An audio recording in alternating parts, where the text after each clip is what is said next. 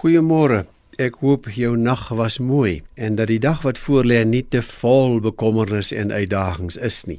Ek praat hierdie week uit 1 Petrus uit oor die feit dat ons is mense wat hoop en mense wat hoop bring hoop. En op die oomblik is ons in hierdie pragtige stukkie van die brief 1 Petrus hoofstuk 1 vers 13 tot aan die einde van hoofstuk 1 waarin die Here ons herinner aan wat hy van ons gemaak het. Ons is mense wat anders is en ons dink anders en ons leef anders. Nou nog vanmôre ietsie van waaraan hy ons herinner oor hoe hy ons nou gemaak het.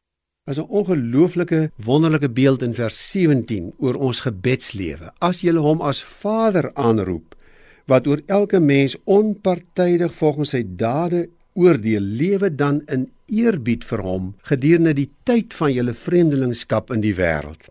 Nou hulle was al in hoofstuk 1 vers 1 vreemdelinge genoem. Ons weet nie presies hoekom nie. Hulle bly in Klein-Asië. Hulle kry swaar omdat hulle Christene is. Op een of ander wyse word hulle deur die mense van Klein-Asië verneder en uit die ekonomie uitgedruk. Hulle kan nie koop en verkoop nie. Hulle kry swaar. En nou sê hy vanmôre as julle waag om met God te praat, as julle hom aanroep, onthou, hy is nie 'n partydige God nie. Hy oordeel onpartydig oor alle mense, maar vir julle beteken die feit dat julle sy kinders is en dat julle met hom mag praat, dat julle in hierdie wêreld met eerbied vir hom lewe.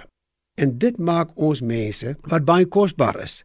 Hy herinner ons onmiddellik in vers 18 dat ons gekoop is nie met verganklike dinge silwer en goud nie, maar vers 19 gekoop is met die lewe van die Here Jesus.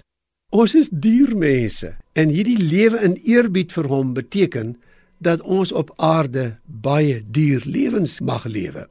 Hierdie duur mense wat ons is beteken dat ons in hierdie aardse lewe uit eerbied vir hom hierdie diergekoopte lewens mag lewe. Ons is net nie tweedehandse optel goed nie. Ons het 'n lewe voor ons in hierdie pragtige donderdag waar ons uit eerbied vir die Here mag dink en lewe en praat. 'n Mooi dag vir jou.